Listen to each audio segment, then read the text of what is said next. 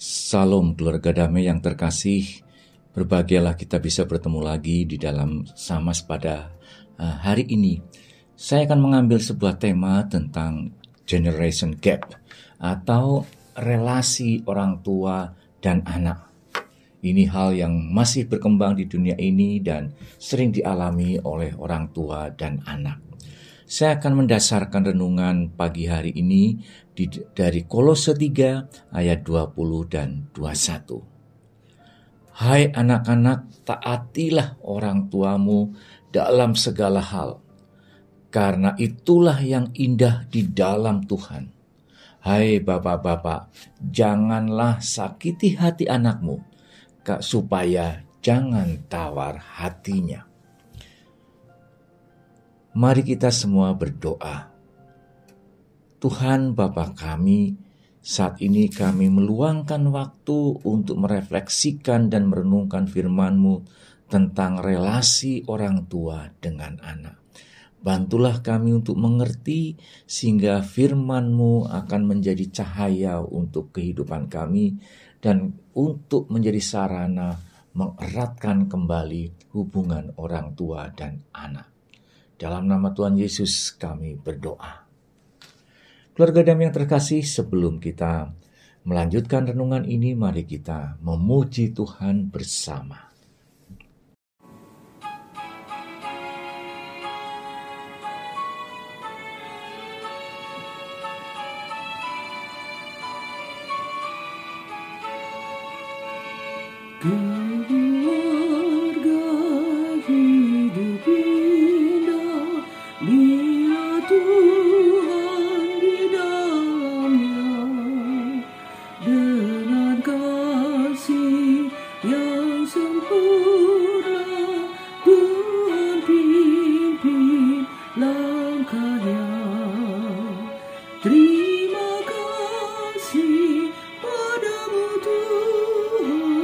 Kabimin kami selamanya Segala hormat, puji dan syukur Kami panjatkan kepadamu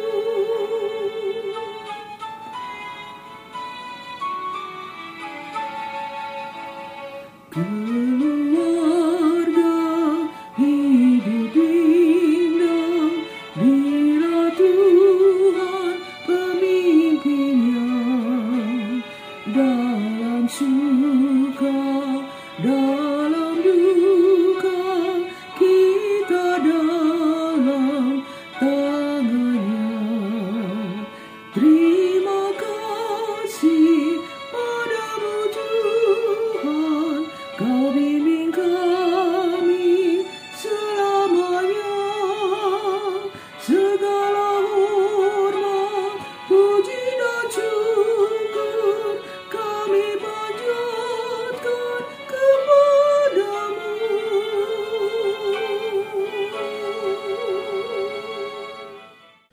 Keluarga damai yang terkasih, tidak bisa dipungkiri bahwa setiap generasi membawa bekal dan pengalaman masing-masing.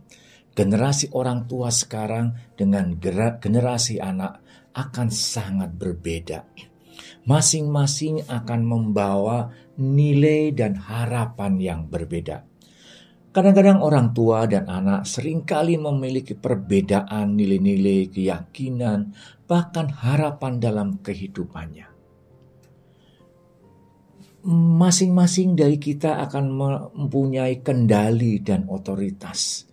Orang tua memiliki otoritas dan anak juga memiliki otoritas. Merasa bahwa mereka punya hak dan tanggung jawab untuk dilakukan sendiri. Sehingga kadang-kadang ini akan menimbulkan sebuah konflik antara anak dan orang tua. Bukan karena hal lain, tetapi karena persepsi mereka tentang otoritas tanggung jawab dirinya itu berbeda. Orang tua merasa bahwa anak masih menjadi tanggung jawab orang tua. Tetapi anak juga merasa bahwa mereka bertumbuh dengan otonomi, dengan kendali yang mereka bangun karena interaksi mereka. Sehingga kadang-kadang di dalam komunikasi tidak sama katanya. Sebagai contoh, saya pernah merasakan anak saya ketika bercermin dan menyisir rambut tidak perlu memakai sisir. Tetapi saya merasa bahwa tentunya sebagai orang tua merasa kerapian itu kalau rambutnya disisir. Tapi anak saya mengatakan tidak, karena seperti inilah sebetulnya rambut yang rapi. Jadi tidak memerlukan uh, sisir cukup dengan tangan saja. Nah itu perbedaan kecil karena masing-masing membawa persepsi dan kendali secara sendiri-sendiri. Acuan mereka berbeda. Nah, inilah yang sebetulnya disadari di dalam uh, Kolose 3 ayat 20 sampai 21 Surat Kolose ini secara jelas menunjukkan beberapa karakteristik. Yang pertama adalah orang tua memiliki otoritas yang kuat di dalam mengambil keputusan dan arahan dalam keluarga. Sehingga ketaatan anak-anak kepada orang tua mereka adalah norma-norma yang harus diikuti dan mereka itu adalah sangat penting. Anak-anak diharapkan untuk patuh dan menghormati orang tua mereka. Ketaatan kepada orang tua adalah tanda kesetiaan terhadap sebuah nilai-nilai keluarga, bahkan nilai agama. Orang tua memiliki tanggung jawab untuk mendidik anak-anak mereka sesuai dengan nilai-nilai keagamaan, nilai-nilai moral yang mereka anut. Dan juga orang tua di sini diingatkan Walaupun mereka punya otoritas, mereka punya kendali terhadap anak-anak, tapi mm, Kolose mengingatkan agar anak tidak dibangkitkan rasa marahnya. Sehingga mereka tidak putus asa, mereka merasa masih punya otoritas.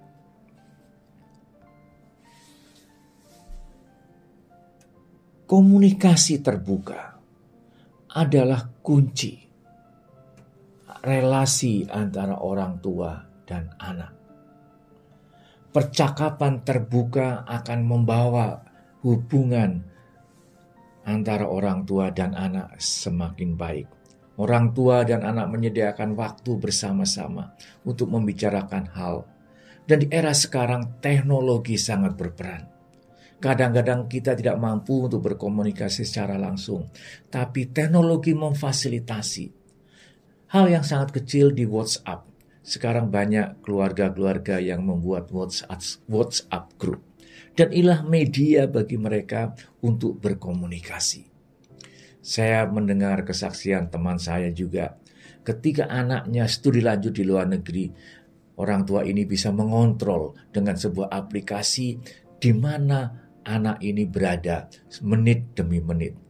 Jadi walaupun anak itu jauh dari orang tua, tapi orang tua masih punya hak, merasa punya hak untuk bisa mengetahui di mana keberadaan anaknya.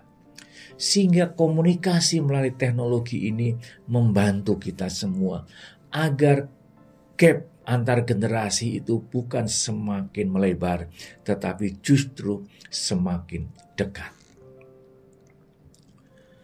Saudara-saudara yang terkasih dan juga keluarga damai yang terkasih. Relasi orang tua dan anak bukan hanya relasi yang terjadi sesaat, tetapi relasi yang terus-menerus untuk dibangun dan diusahakan dan dipelihara. Keseriusan membangun relasi ini, keseriusan membangun komunikasi antara orang tua dan anak akan menentukan tentang kebahagiaan keluarga. Mari kita sadari bahwa keluarga harus tetap dijaga. Komunikasi antar orang tua dan anak akan mencoba mendekatkan gap atau salah pengertian orang tua dan anak. Kiranya Tuhan memberkati keluarga kita semua. Amin. Mari kita berdoa. Tuhan yang Maha Kasih, kami sungguh mengucapkan syukur Engkau sudah menghadiahkan kami sebuah keluarga antara orang tua dan anak. Mampukan kami untuk membangun relasi orang tua dan anak, sehingga masing-masing dari orang tua dan anak merasa nyaman untuk bisa komunikasi secara terbuka. Anugerahmu selalu besar di dalam kehidupan kami. Kiranya Engkau juga memberkati keluarga kami semua. Di dalam nama Tuhan Yesus kami berdoa. Amin.